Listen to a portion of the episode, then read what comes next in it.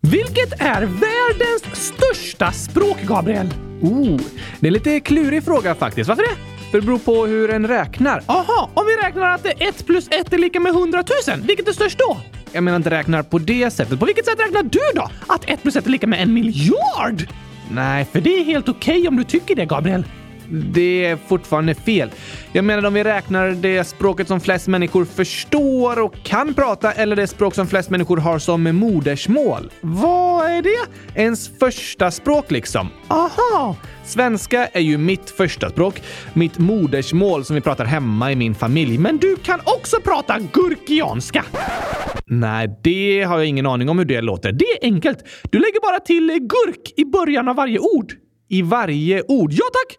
Okej, Gurkor står, gurku, gurkad, gurkag, gurkejer, gurkär, gurkag, gurkatar, gurkianska. Eh, om jag förstår vad du säger när du pratar gurkianska. Gurka, gurkak! Ja, t- ja, du tar liksom bort första konsonanten i ordet och ersätter med gurk. Gurkkris! Gurkkris. Gurkresis! Ja, ah, precis. Ah. Ah, nå, du- jag förstår vad du menar. Gurko, gurkan, gurku, gurkrata, gurkianska. Ja, jag kanske kan prata gurkianska då. Men jag räknar fortfarande inte det som ett eget språk. Gurkar för gurk inte? Det är liksom svenska, men på ett eh, lite speciellt sätt. Nästan som att prata i koder, eh, som rövarspråket. Gurka! Gurkag, gurkör står, gurkad, gurku, gurkenar. Du kanske kan prata vanlig svenska resten av programmet, Oskar. Det är lite krångligt att förstå vad du säger annars. Vad är ens vanlig svenska, Gabriel? Alla pratar ju olika! Ja, det har du rätt i. Men, men ett, du behöver inte lägga till gurk i början av varje ord. Okej. Men tokigt språk, får jag säga. Eller hur?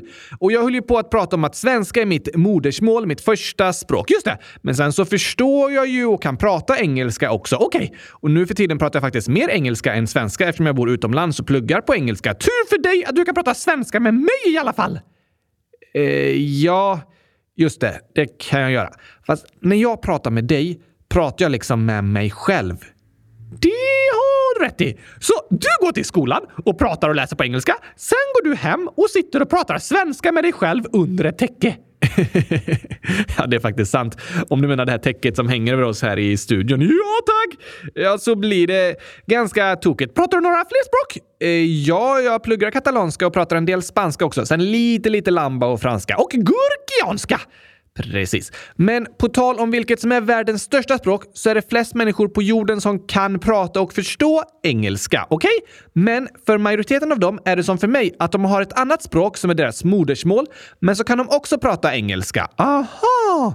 Om vi istället räknar det språk som flest människor har som modersmål, som är deras första språk liksom, då är det mandarin. Kinesiska! Just det.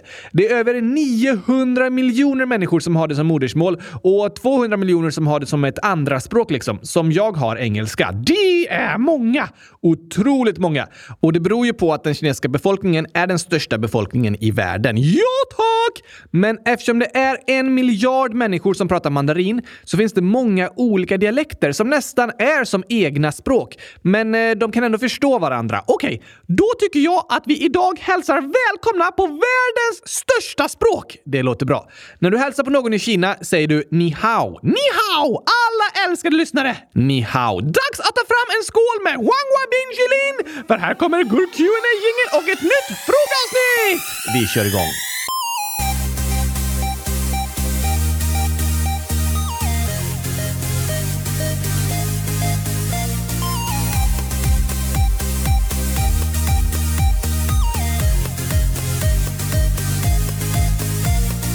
Gurk äntligen! Gurkorsdag! Gurkors dag? Ja, så torsdag på gurkianska. Ah, gurkors dag. Det låter fantastiskt att säga det på gurkianska. För det låter som att torsdag är gurkors dag. Ja, det blir det är ju det du säger idag. Men hälsa välkommen till podden på gurkianska du också, Gabriel. Ö, Okej. Och gurkäntligen, gurkavsnitt, gurkundra, gurkusen, gurk300, gurkutton. 100 317! Ja, och idag är det 3 november. Nej tack! Eh, Jo, det är det väl? Nej, för jag har bytt namn på månaden! Ja, såklart i min gurkianska kalender! Nu finns inte många månader kvar att berätta om, Oskar. Nej tack, snart är hela kalendern färdig! Just det. Så vilket namn eh, har du gett till månaden november? Jag har funderat och funderat och funderat. Sen åt jag lite gurkaglass, sen målade jag 100 000 kylskåp och sen funderade jag lite till. Kunde du inte fundera samtidigt som du åt gurkaglass? Nej tack, går inte. Jag måste koncentrera mig väldigt noggrant när jag äter och väldigt noggrant när jag funderar. Okej, Men det är ju så att liksom många andra månader så har november helt fel namn! Ja, på latin heter det nio novem. Och när månaden fick sitt namn var det årets nionde månad, men i den nya kalendern är det ju årets elfte månad! precis. Hur kan det vara tillåtet att årets elfte månad har namnet årets nionde månad? Det beror nog på att det inte är så många som talar latin och därför inte tänker på att november egentligen betyder nionde månaden. Ja, jag kanske det, men jag förstår ändå inte hur det kan ha fått fortsätta i så här i tusentals år utan att någon sagt ifrån! Nej, runt den tiden när Jesus föddes, alltså för 2000 år sedan, då ändrades det så att november blev årets elfte månad. Men namnet november, alltså nionde månaden, behölls ändå och det är ju fel även för september, oktober och december. Ah, orimligt! Ja, Fast det beror nog på att de redan hade haft de namnen i över 700 år då.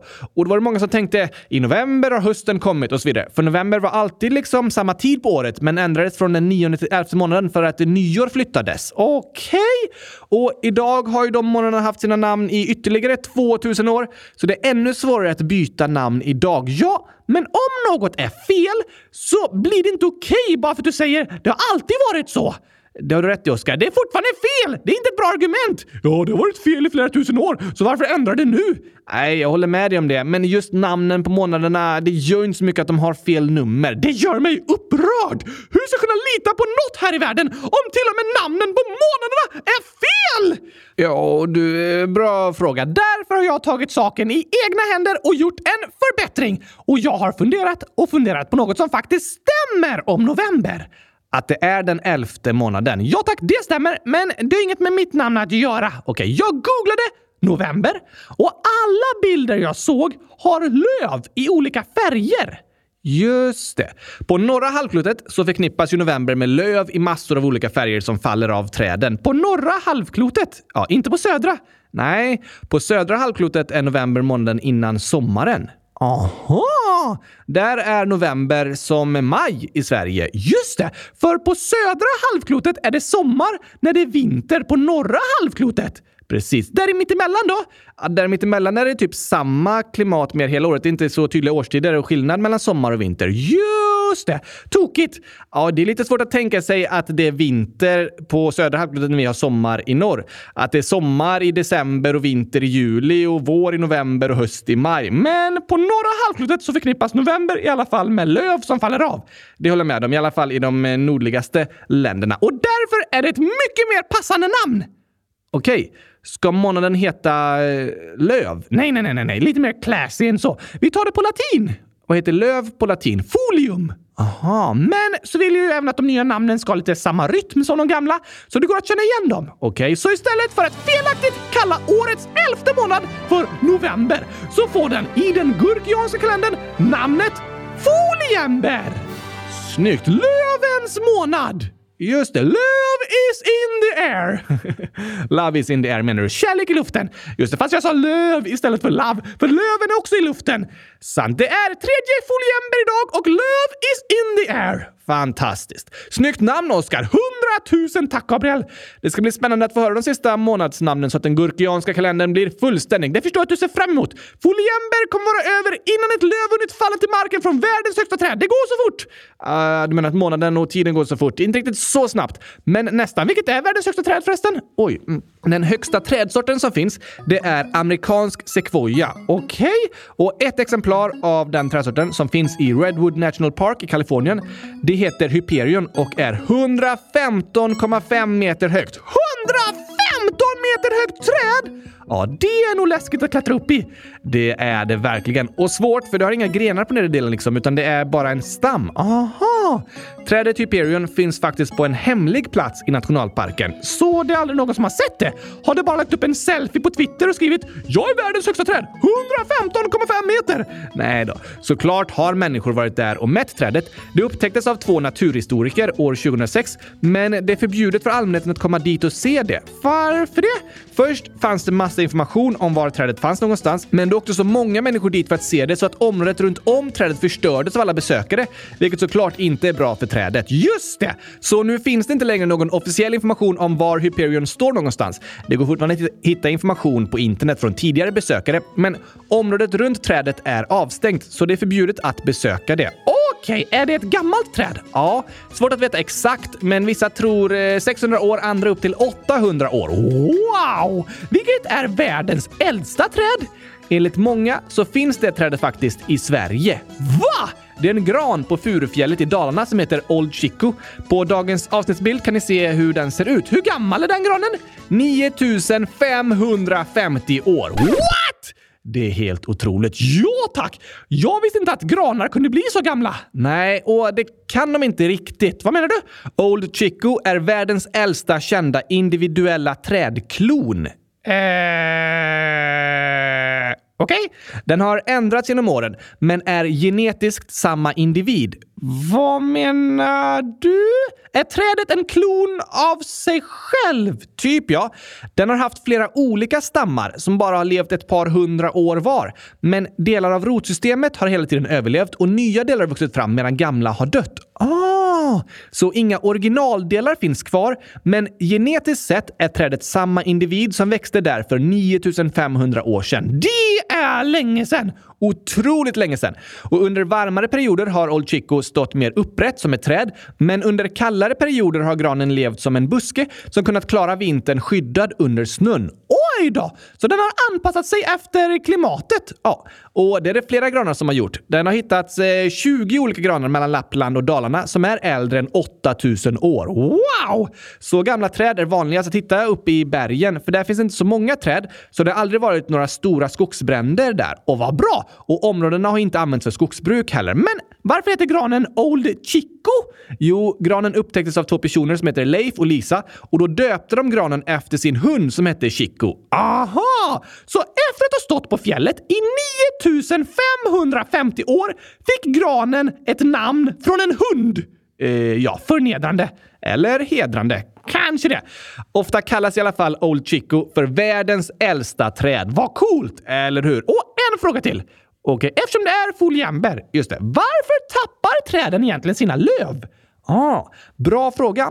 Det beror på att vintern är en torr säsong. Torr? Den är ju plaskvåt! Ja och nej.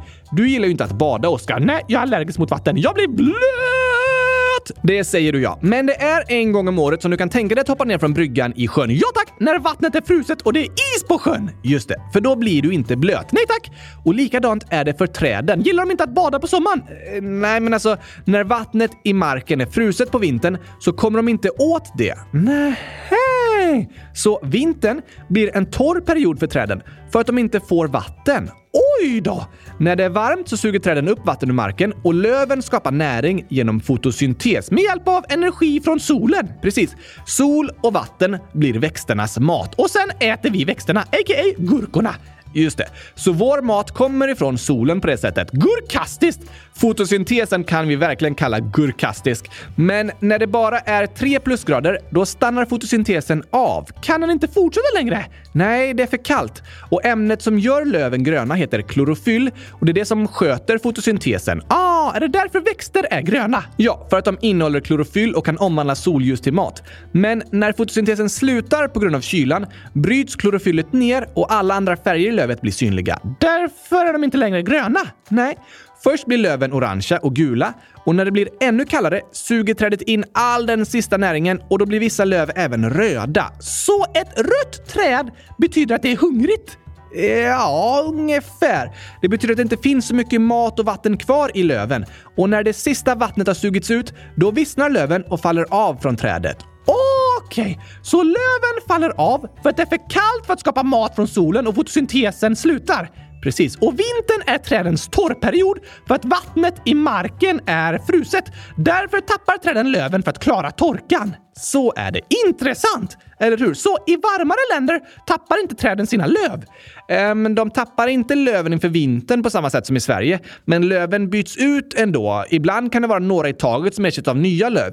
Dock har de flesta länder en torrperiod och då släpper träden alla sina löv för att förbereda sig inför torkan, för att klara av den. Aha! Jag visste inte att vintern var en torrperiod.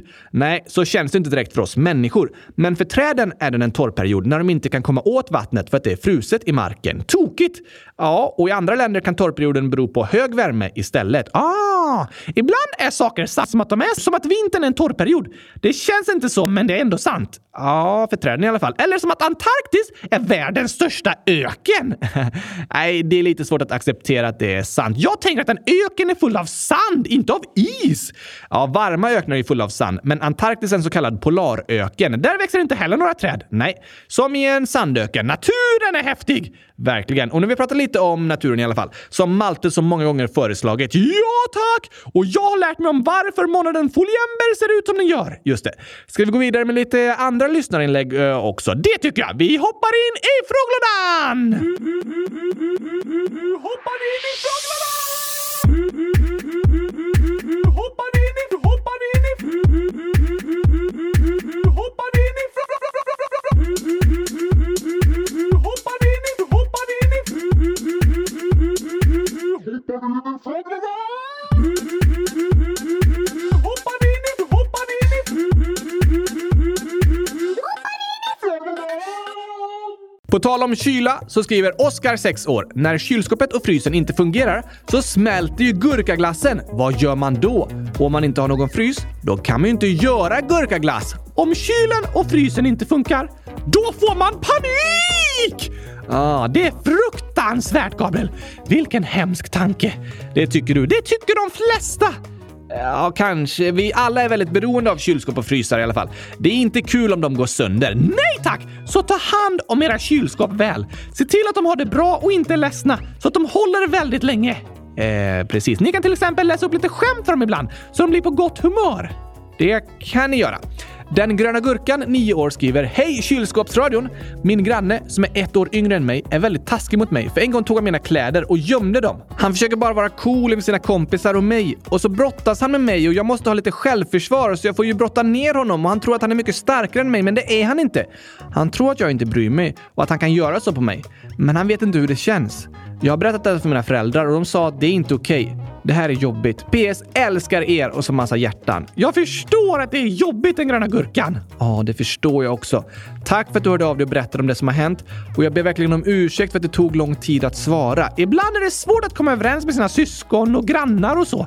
Det kan vara klurigt. Ena sekunden kan man vara superbra vänner och nästa sekund väldigt arga på varandra. Särskilt jobbigt är det om det känns som att de inte förstår hur en känner. Just det, som den gröna gurkan beskriver. Att han inte förstår hur det känns. Ibland kan vi göra saker mot andra människor utan att förstå att det gör dem väldigt ledsna och att det är jobbigt för dem. Det har du rätt i! Men oftast tycker personer det är jobbigt att bli retade och nedbrottade och behandlade dåligt. Även om de inte vågar säga ifrån eller säger att det är okej. Det är inte alltid den vågar berätta precis hur den känner. Nej, det kan vara svårt.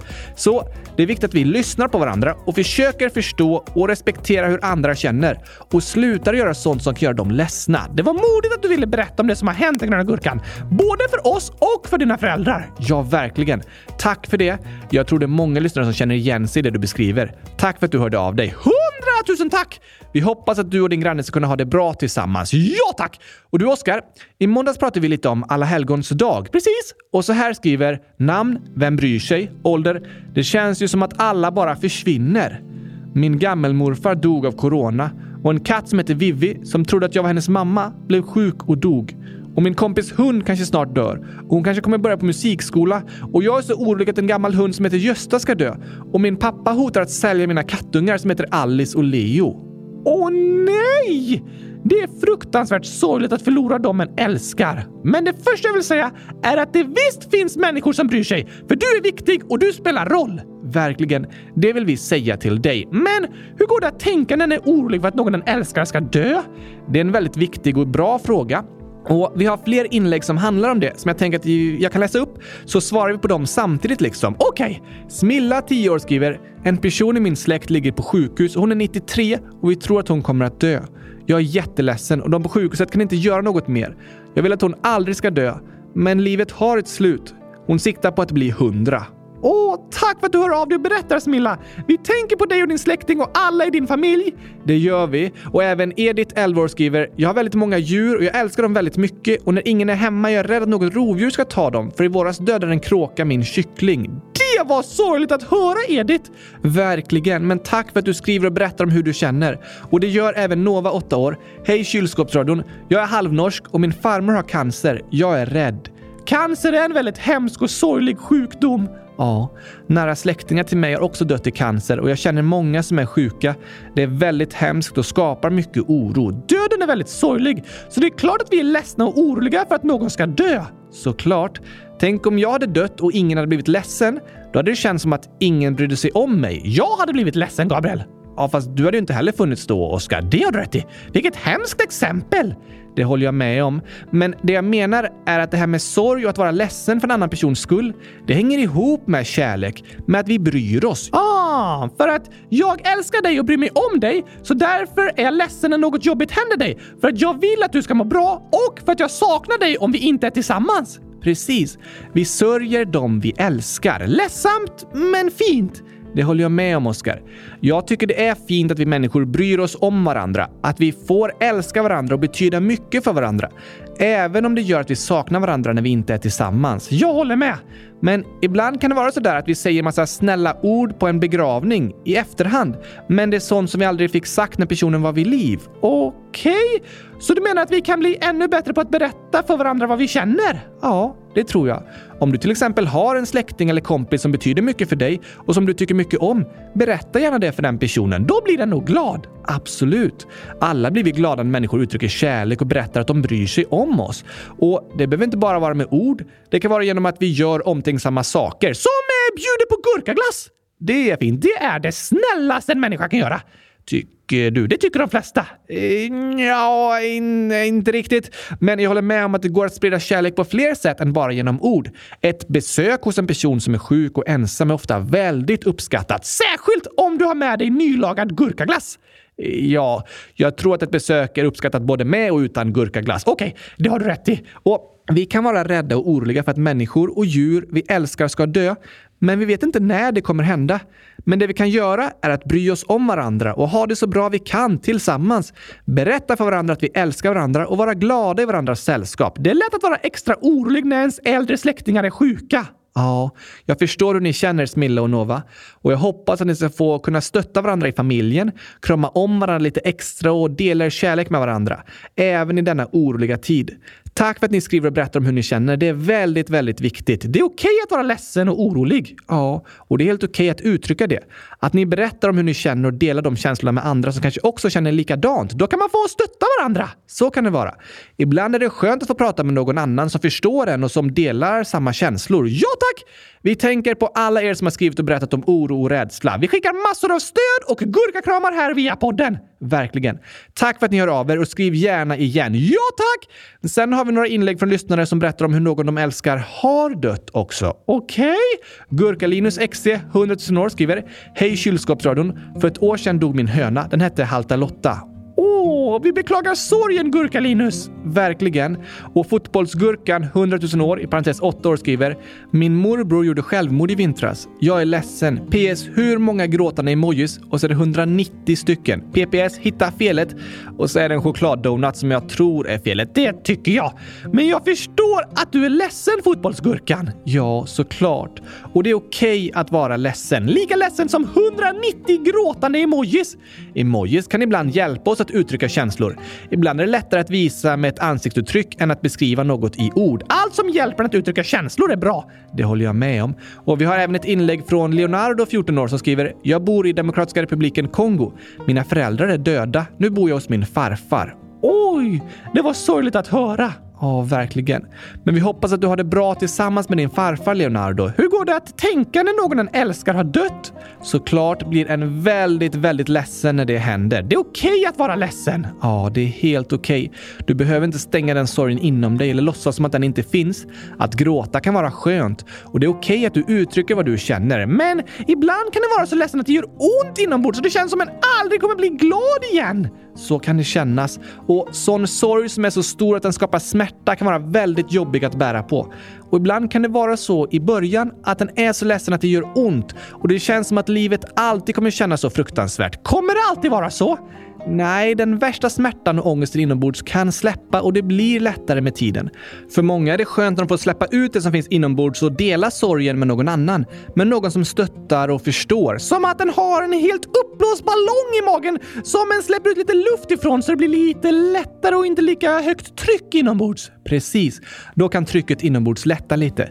Att få prata med någon är något som hjälper för en del. Okej, men sen kan det vara skönt att veta att sorg kan förändras. Till en början kan det göra ont i magen, men med tiden kan det bli lättare och lättare att minnas den du älskar med glädje och tacksamhet utan att det gör lika ont på insidan. Ah! Tack till alla er som hör av er och berättar.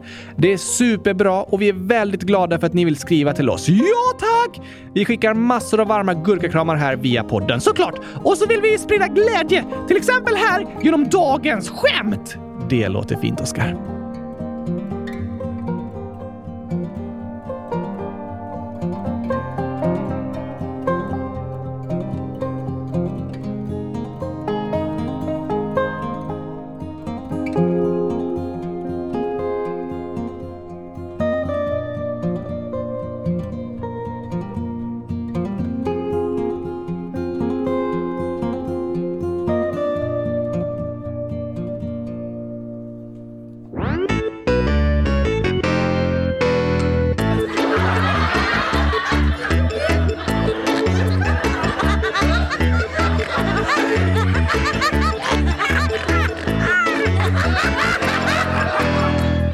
Idag pratade vi lite om hösten och foliember, Gabriel. Just det, därför har jag en kluring till dig här. Okej, vilka är mest aktiva på hösten? Oj, mm, kanske de som har en stor trädgård och måste kratta mycket löv. Det var en bra gissning, men tyvärr fel. Okej, sniglarna som har så många löv att bryta ner. Också fel! Då vet jag inte. Träna! För att löven faller av? Nej, för de tränar hela tiden! Jaha, träna. Vad tokigt! Det låter som att de är väldigt aktiva. Aldrig en lugn stund, bara träna och träna. Just det. Vad säger det engelska trädet på vintern?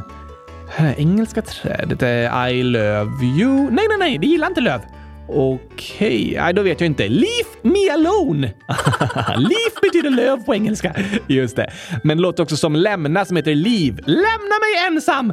Så sa trädet, men det blev löva mig ensam. Just det, fast skämtet funkar inte så bra på svenska. Nej, bättre med leave me alone. Ja tack! Men vad sa lövet som var kär i asfalten? Oj, var ett löv kär i, i, i, på marken på asfalt? Ja tack! Ehm, Nej, jag vet inte vad det sa. Jag föll för dig! alltså, lövet föll från trädet för asfalten. Precis. Men att falla för någon betyder också att man blir kär i den personen. Så lövet föll för asfalten. Tokigt, Oskar. Vilken är den miljövänligaste maträtten på hösten? Eh, lövbiff. Ah, det finns ju jättemånga löv som bara ligger på marken. Ja, men lövbiff är inte gjord på löv. Nähä, det är bara sniglar som äter äkta lövbiff. Det kan vi säga att de gör. Men varför flyger fåglarna söderut på vintern? Eh, det är ju för att få ett varmare klimat. Nej tack. Jo, eh, det är det. Nej då. Okej, berätta svaret då. För att det är för långt att gå! Ah, det är därför de flyger! Såklart. Det var tokiga höst och vinterskämt. Passar bra i foliember. Absolut. Jag håller med. Och för att fortsätta den glada och hoppfulla stämningen kommer här den hoppfulla kängurun! Den är fin. Det var en gång en känguru som hade mycket hopp. Han hoppades och hoppade tills benen de sa stopp. Då satte han sig ner och lyssnade på hiphop. Men hans mamma gillar hoppra så de lyssnar ej i hopp. Hoppsan, sa mamma, vad tiden har gått. Du måste skynda dig, du ska tävla i längdhopp. Förhoppningsvis du hinner om du hoppar riktigt fort. Annars hoppa på tåget och åk med det ditt bort. Mm, badababom, badum, bam, bom, bam, bam, bom. Kom inte tredje versen nu, Oskar. Nej, vi hoppar över den. Fjärde! Med hipp-hopp i lurarna, han hoppar full av hopp. Han hoppades på guld när plötsligt det sa stopp. En gren in i ögat kängurun hade fått. Hoppsan sa, det kommer gå bra, sa de i ambulansen. På sjukhuset han fick besöka en optiker. Optiken sa att de behöver göra en operation. Förhoppningsvis vi klarar att ditt öga sy ihop. Din syn blir bra, sa optiken. Hon hade mycket hopp. Och optiken, hon klarar väl operationsförloppet. Och vi kan lära oss att vi aldrig ska förlora hoppet. Vilken perfekt start på Foliember! Absolut. Hoppas ni alla har ett bra höstlov. Foliemberlov! Det kan vi kalla det. Kom ihåg att rösta i omröstningen om årets julkalender också! Ja, mindre än en månad kvar till första avsnittet, men ålder skriver ni inte lagt ut omröstningen om julkalendern och gurkor gurka emoji skriver ni inte lagt ut omröstningen till julkalendern än. Ligger den inte ute? Jo då, den har legat ute på hemsidan i över en vecka nu. Om det är så att ni inte hittar den så gå in på www.kylskåpsradion.se och scrolla ner lite på första sidan. Överst en bild på mig och sen kommer de senaste avsnitten. Just det. För tillfället ser hemsidan ut så, men den kommer att fortsätta utvecklas och förändras lite med tiden. Men omröstningen ligger ute på första sidan i ungefär eh, två veckor till. Woho! Och vi ska lägga till två nya förslag. Lyckliga Gurkan, 100 000 år, skriver “Kan ni ha Bibel som tema? Att ni berättar en bibelberättelse varje dag i julkalendern? För julen handlar ju om Jesus. Snälla ta med förslaget, ni är bäst!” Bra idé! Absolut! Vi skriver med bibeltema i omröstningen och Cesar den lila chokladen, 1300 svampår, 13 människor skriver “Hej kylskåpsradion! Jag är lite väl sen, men jag vill väldigt gärna ha en svampkalender! Jag vet att ni tycker om svamp, så därför ska ni rösta på svamp. Alla lyssnare! Jag har några sena halloween-skämt också. Oh la la! Ännu fler skämt! Ja, fantastiskt! Vad tycker spöket om gröna bananer? De är goda för de ser ut som gurkor. Nej, de är omogna. Tokigt! Vad är spökets favoritpålägg på mackan? Gurkor? Nej, ost. Ah, men jag tror att favoritpålägget är gurkor! Det kunde det varit. Sista skämtet. Vad heter spöket? Oskar! Bra förslag. Cesar den lilla chokladen skriver dock Olle. Det passar också bra! Ja, tack för förslaget och skämten Cesar. Ja tack! Sen fick vi lite respons från Liam, den lilla gurkachokladen och Lukas om att ett av pingvinljuden inte hördes i förra avsnittet. Va? Fail!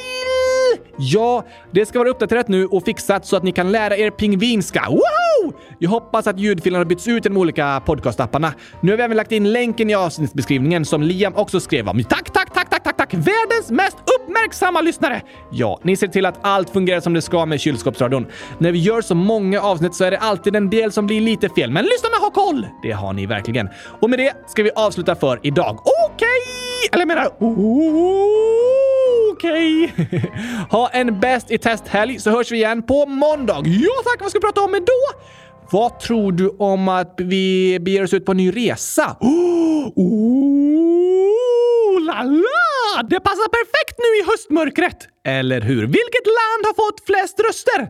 Jag kollar här i omröstningen och ser att vi ska resa till Asien igen. Woho! Till ett land vars flagga ser ut som Polens, fast upp och ner. Okej. Okay. Det är ett land som består av över 13 000 öar. Wow! Och det är världens fjärde folkrikaste land. Oj då! Ni lyssnare får se om ni kan lista ut vilket land det handlar om. Skriv era gissningar i frågelådan så läser vi upp dem på måndag. Ja tack! Lycka till med det. Jag vet i alla fall att vi ska åka till Finland. Det är fel. Ah, typiskt. Var nära. Inte särskilt, men bra gissning ändå. Det var i alla fall ett land. Absolut. Jättebra gissat, Oskar. Ha en bäst i test-helg allihopa, så hörs vi på måndag. Tack och hej! Gurkapastej! Hej då!